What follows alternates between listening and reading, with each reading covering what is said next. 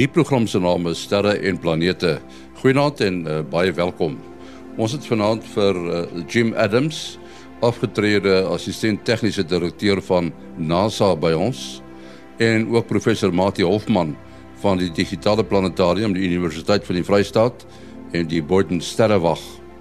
Ons gaan net nou luister na ruimte weer nuus, maar voor dit eers ruimte nuus wat vir ons geskryf word deur Herman Turin in Bloemfontein. NASA het tydens 'n buitengewone nuuskonferensie bekend gemaak dat navorsers bevind het dat meer as 2 keer soveel waterys op die maan is as wat voorheen gemeen is. Die navorsing dui daarop dat die gesamentlike ysholtes op die maan 'n oppervlak van 40000 vierkante kilometer kan beloop. Van die ysholtes is maar 'n sentimeter in deursnee. Die relatief baie water wat op die maan oppervlak gevind is, sal baie help om NASA se Artemis-program te laat slaag. Meer inligting hieroor wanneer Jim Adams aan die woord kom. 'n Maatskappy van Seattle wat in die veilige gebruik van kernkrag spesialiseer, het 'n nuwe konsep ontwikkel wat ruimteskepe in staat sal stel om Mars in net 3 maande te bereik. In die stadium neem so 'n reis ongeveer 7 maande maar kan veel langer duur afhangende van waar die twee planete hulle in hul wentelbane om die son bevind. Om kernkrag vir die aandrywing van ruimteskepe te gebruik, moet verskeie improvisasies aan bestaande tegnologie aangebring word. Die masjiene moet so lig as moontlik, maar steeds veilig wees. Hulle moet ook 'n snelheid van ongeveer dubbel soveel as bestaande chemiese aandrywing kan haal. Dit was dan ruimte nuus en Herman Turin in Bloemfontein het dit vir ons geskryf. Nou sit Kobus Olkers daar in Florida, Amerika gereed met ruimte weer nuus. Kobus Goeienaand en nie, goeienaand luisteraars. Ja, 'n nuwe week en nuwe dinge. Die son lyk of hy asof hy 'n bietjie wil uh, wakker word en uh, vir ons uh, begin interessante dinge aangee.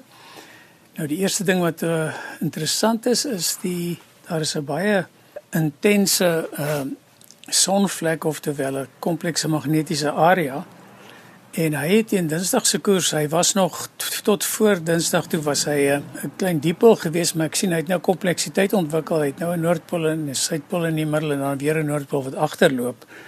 En dit maak van hom 'n potensiële sonvakkelmaker. En ons het wel alreeds van Dinsdag af kry ons al C-klas vakkels van hom af af. En ons het reeds die eerste kortgolfduinings ook waargeneem van hom af. Ons het 'n paar van hulle gehad wat selfs uh, frekwensies in Suid-Afrika, werkfrekwensies in Suid-Afrika beïnvloed het. Hy is gelukkig amper van die van die uh, son se rand af. Eh maar ons kan nog steeds van die vakkels uh, wat uitkom selfs al stuur kry ons nie korona massa uitbarsings nie, kan ons nog steeds vir die ekstra vakkels uh, effekte sien en ons kortgolf radio luisteraars uh, het begin weer 'n bietjie werk kry om te dink hulle kan nie net optel en gesels nie. Daar is ook 'n uh, korona gat wat wat ook die hele week al uh vir ons uh, hoëspoed uh, sonwind gee. Uh wat nog 'n bietjie ekstra duinings veroorsaak en ek sien uh sy polariteit is is, is grootliks uh suidgerig en hy negatief en ons het dus 'n uh, 'n bietjie van 'n verswakking in die aarde se magnetveld van hom af en dit is wat die son die die sonvakkeltjie die nuwe aktiewe area ekstra oef gee. Hy kan dan makliker deurkom as die aarde se magnetveld verswak is. Dit is ons storie vir vanaand. Goeienaand almal. Dit was uh, Kobus Olkers daar in Florida, Amerika. Nou het seker geraai dat ons uh, vanaand oor hoofsaaklik twee sake gaan gesels. Die ene is natuurlik uh, Osiris Rex se sending daarna Benno toe En die ander ene is natuurlik wat vroeër in die week bekend geword het die uh water wat op die maan gekry is. Ons moet miskien begin en net vir uh, Jim Adams daar in Amerika sê goeienaand Jim. Goeienaand. Ja, uh, Jim is so stadig aan besig om Afrikaans te leer en uh, ons gaan van uh, nou af van ons nou oor skakel na Engels toe, maar nie voor ons vir Matie gegroet het. Hallo Matie. Goeienaand, uh, Henny, goeienaand Jim. Dit is altyd 'n voorreg om met die ouens van NASA te praat, uh, so uit die perd se bek. Jim, we appreciate very much that you contribute some of your time to this part of the world. Our the, uh, the people listening to this program are so enthusiastic and want to learn so much, and they also appreciate it very much.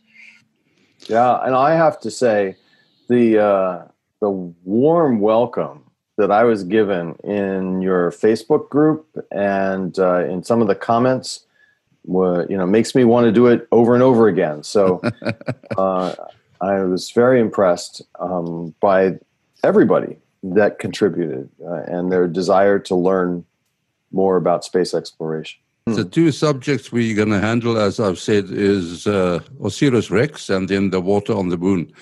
Jim, you were uh, very much involved with Osiris Rex. In what way? Yeah, so at the time I was the deputy director of planetary science, and what that meant was that all of the missions for planetary science reported to me.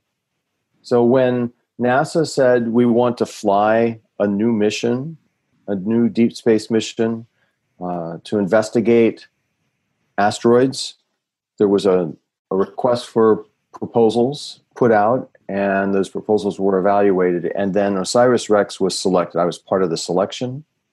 And then ultimately, I was part of the the team that got Osiris Rex started, not only from a funding standpoint, but politically. And then we engineer the uh, the initial engineering, uh, trying to decide which rocket it should go on, and and also whether or not we should fly some secondary payloads with it, which we chose not to do. And uh, and ultimately, the, the original principal investigator was Mike Drake, and he knew he was going to pass away before um, too long. And so we worked with him to select Dante Lauretta as the PI, and he's done a marvelous job. Jim, when did that process start? Uh, uh, when the original Osiris Rex? I'm going to guess at the date, but it it would have been 2010 ish that we uh, selected them to fly to Bennu so here it is, 2020, and we have the sample. And but now we wait three more years for the sample to come back before the scientists can start analyzing the the samples, right? So that's 13 years before they even get to do their science. And before that, the team had been working on this mission concept for five years. Yeah. So so it's it's easily, you know, if you get into this kind of space exploration cycle as a scientist, it's a 20 year process easily before you can show results. And what happens, which is really fascinating to me, is you choose these missions and you begin to develop them and they take so long not only to build but also to fly to where you have to go and then if they have to come back they have to fly back and it takes so much time but the rest of planetary science is moving on while you are um, doing all of that. And so, in the case of Pluto, we launched the New Horizons mission when we thought there were only three moons at Pluto. And in the meantime, there were two more discovered before we got there. So it was a, you know, it's a fascinating field of science to be in. Yes, Jim. Uh, I think people would like to know why did you choose Bennu? Because there are many other asteroids out there, isn't it? Yeah, yeah. So Bennu is a is a fascinating asteroid. I think we mentioned it before. Is the the fact that it's a, a carbonaceous asteroid, which means it has carbon in it, um, and you can tell that from Earth by looking at the spectra. They use spectro, spectrographs to look at um, the emission lines of reflected sunlight off the surface of the asteroids. And, and it's uh, a carbon based asteroid is very uncommon. And so it's one of these things, well, let's go let's go to the one that's uncommon. Let's go learn why this one is different from the others. So that's what's fascinating about this touchdown that Osiris Rex did. You know, it, land, it didn't land; it it did a touch and go and and picked up some material and there are going to be scientists around the world just in line waiting to analyze those samples. Yeah uh, jim it was quite exciting to look at the live stream. Yeah. and uh, i was surprised by the number of young people that uh, were sitting there in the con- control room and how enthusiastic they were. Of course they they interviewed some of the very senior uh, senior scientists uh, but that's a, promising thing that so many young people are interested in this work. Yeah, indeed. Indeed. And um, it is very rewarding to see that the work that we do now inspires the next generation of space explorers. I, I'm just extremely pleased that we see not only graduate students and PhD candidates and, and and engineers all wanting to to get into this field of work to help us understand the solar system and the universe that we live in. But you see young kids, you know, I routinely get pictures of asteroids drawn by kids in elementary school um, sent to me, and it's it uh, it's inspiring. It's not only inspiring for the kids that help them sort of create a vision of what they might want to do later in life, but it's also inspiring to me and rewarding that uh, you know it wasn't a wasted career was it? You know it was actually helping to change the world in some small way. If we look at uh, the, the whole project it has now uh, succeeded in picking up stuff.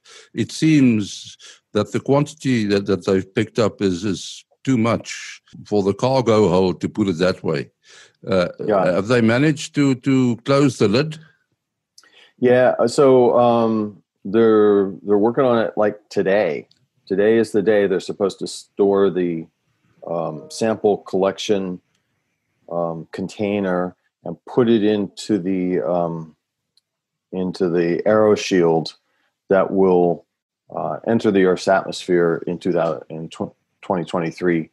Um, so anything, it all it all go into the back of this aeroshell, and uh, they'll put a lid on it, and then it'll be done what's really going on there is this this sample collection mechanism has a mylar piece of plastic flap that uh, springs open uh, due to the pressure difference between the um, sample actuator and and the inter- inside of the uh, collection container.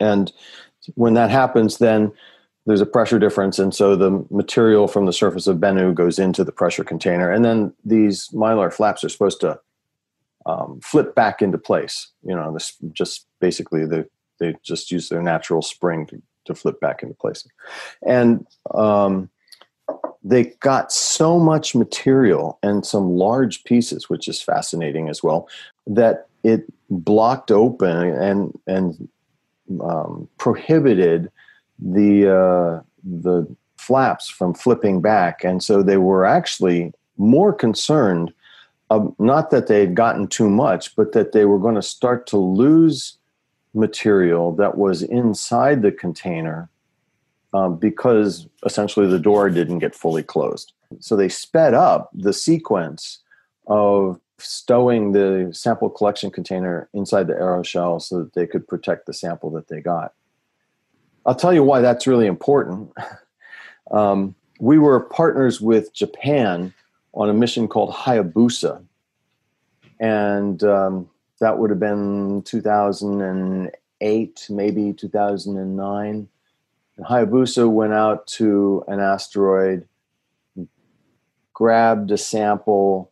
Uh, on the way back, its um, attitude control system started to fail, the reaction wheels started to fail, and it, it got it finally made it back to Earth. Uh, a lot of uh, good engineering and good operations techniques to get it back to Earth. And when the sample finally landed and they opened the container, there was nothing in it.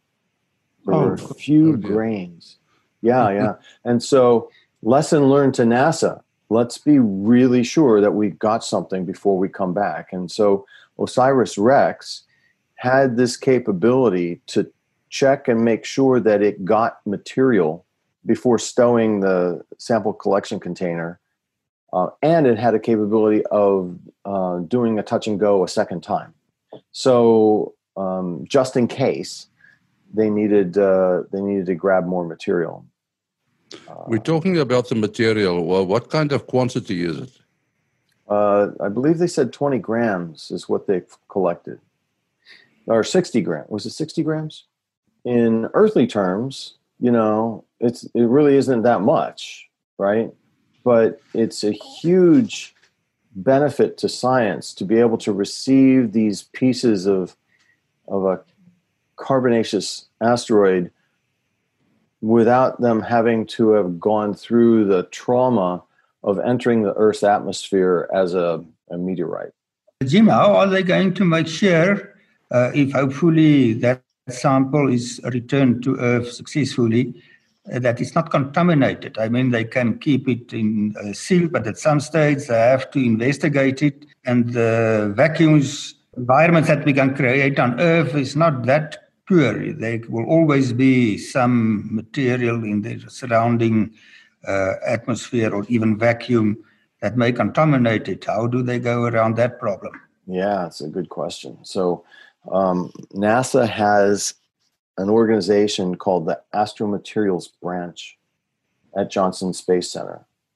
And that's where any sample that's collected and brought back um, resides, including all of the Apollo moon rocks, the samples from Stardust, uh, the stuff that was left over from Genesis. You know, Genesis crash landed, but um, but they were able to recover much of the of the uh, samples. So any material that we bring back from space goes to the astromaterials branch, and they have protocols for assuring that we don't violate the integrity of the sample. It's all well and good to say, okay, well, we're just going to lock this in a vacuum un, uh, under lock and key so that we don't contaminate it, but that, that doesn't do the science any good, does it? There's a process by which NASA receives proposals, um, and any scientist worldwide can apply to analyze samples from the astromaterials branch, including lunar rocks and that sort of thing. If the proposal is approved, then NASA has a procedure for opening the container, assuring that we take out the right amount of material, uh, and closing the container again um, without contamination, and then sending the sample to the uh, scientist without it getting contaminated either. That's really important when you start looking at things like um, the uh, volatiles that um, Stardust found. You know, we flew Stardust through the coma of a comet and we brought back samples of this comet coma. And um, scientists found glycine, which is an amino acid and one of the building blocks of life, uh, in the coma of this comet. And so, of course, the first thing you ask yourself is did we contaminate the sample somehow? You know, are we looking at our own building blocks here, or is this really extraterrestrial? Fortunately, all the correct protocols were followed, and we were able to double check that. But, but it's a it's a really important question to assure the safety of the sample. And you know, as we start t- bringing back more and more samples, like maybe from Mars, uh, we also want to make sure that we don't contaminate us. You know, suppose we were to bring back a virus, that would be bad news for us. Right. Let's so, talk about uh, the other announcement, uh, the big mm-hmm. announcement uh, about water on the moon. Why is this announcement so important? Up until yesterday, it was presumed that water on the moon was collected in the really cold spots, the spots where the sun doesn't shine. You can think of the way water transports on the moon the same way the windows in your house might fog up on a winter's day. You know, the water vapor in your house goes to the cold windows because the windows are cold. Basically, it's the coldest place in the house, and so um, the water collects there on the windows. And, and if you're from the area that I am from, sometimes it freezes up and you get ice on the windows on the inside of your house. Same sort of thing on the moon. The water vapor that was there, we believe, transported to the and migrated to the coldest spots on the moon, which would be the areas that have never seen sunshine. In fact, some of the coldest areas in the solar system are in these craters on the moon. What's important about the results from yesterday is this team using the SOFIA telescope was able to find signatures of water outside of the permanently shadowed regions. In my mind, it doesn't represent much utility. Uh, that is, I, I don't think, you know, we didn't find a well that we can go and drill to keep the astronauts alive full of water, although there are people that are predicting you could do it. You're talking about a tenth of a liter per cubic meter, tiny amount of water for the amount of effort it would be to mine it. Um, and in fact, it's about 10 times less water than if you were to go pick up sand in the Sahara. But it's important from the physics standpoint to understand how water migrates on the surface of the moon and the fact that it might be in other regions. You know, maybe maybe it's a little further down in areas that are shadowed, but not maybe permanently shadowed. So it will help us in the hunt for water. And water is important for a lot of reasons uh, as we explore the moon. One is it keeps humans alive, but it, you can also break it up into hydrogen and oxygen, and you get rocket fuel when you do that. So it's a it's an important um, uh, material for us to find not only in the moon but on Mars and on asteroid Bennu and uh, the dwarf planet Ceres and Vesta, you know, it's all very important for us to understand how the water is moving around the solar system and then to be able to use it. Uh, Jim, why could SOFIA uh, do this observation and not other telescopes on Earth or even uh, the instruments on the Lunar Reconnaissance Orbiter, which is much closer to the moon than uh, SOFIA? Yeah, that's a good question. Also, We'll, we'll do the uh, Earth-based telescopes first. Why? You know, we've been looking at the moon, you know, for millennia. Why couldn't we see the water on the moon? Uh, and, and with telescopes like you know, like uh, the ones up in uh, Sutherland, um, you know, 200 years South Africa has been looking at the moon, or we're looking at the stars and the, and the moon. The reason you couldn't see the signatures of water on the surface of the earth is because of the water in our atmosphere. We've got so much water vapor in our atmosphere, and the signature of water on the moon is so faint that it basically gets swamped out, covered over by the by the amount of water that's in the Earth's atmosphere.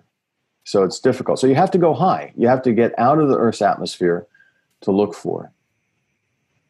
So the SOFIA telescope is perfectly suited for that. It's uh, part of a, it's in the fuselage of a 747, and it's a telescope basically about the size of Hubble, um, in terms of the primary mirror, anyway. And it uh, once the 747 gets above most of the Earth's atmosphere, there's a essentially a garage door that rolls up, and this telescope can see out um, the side of the of the airplane.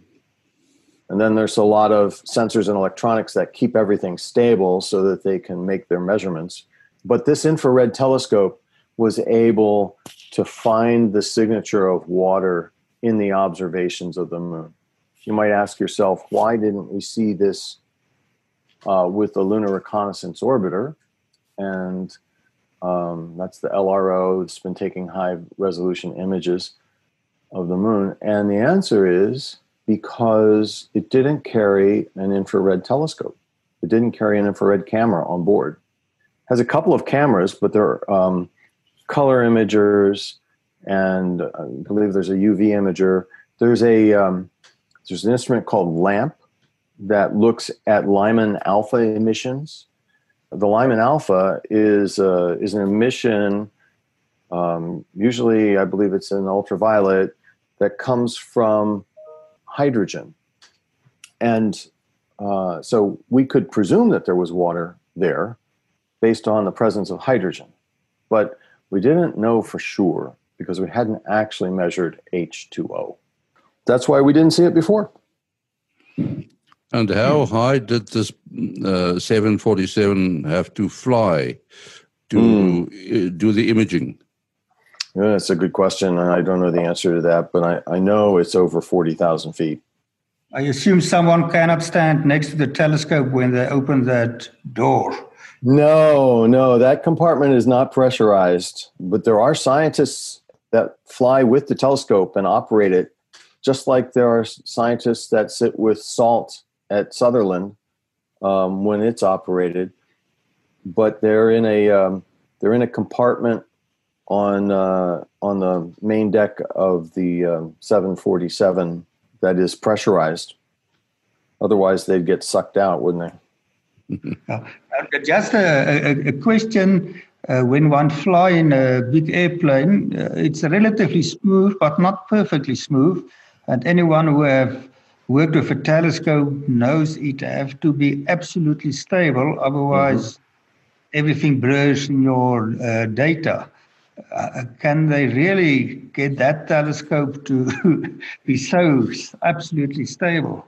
I don't know how it compares to a ground-based telescope that might be, you know, on a platform that's tied to bedrock, but I do know that there's a very complicated system that connects the telescope to the guidance system of the airplane, as well as some, they call it jitter, jitter removal electronics within the telescope so that as the plane moves slightly, you know, obviously when they open the door and the, and the scientists say, okay, we're taking observations now, the pilots they don't move the plane. You know the plane is on a straight path straight and level and the uh, telescope makes its uh, observation for a certain number of minutes and then pilot takes control back. But for that little period of time the telescope actually sends signals to the airplane about how it's doing in terms of stability and um, altitude and that sort of thing I've just uh, pulled up the NASA website, and SOFIA flies between 38,000 and 45,000 feet. So um, that's like 10,000 meters to what? Uh, 12,000 meters or so. Right. We have to close down now, unfortunately. Jim, to make contact with you mainly through the uh, the Facebook group.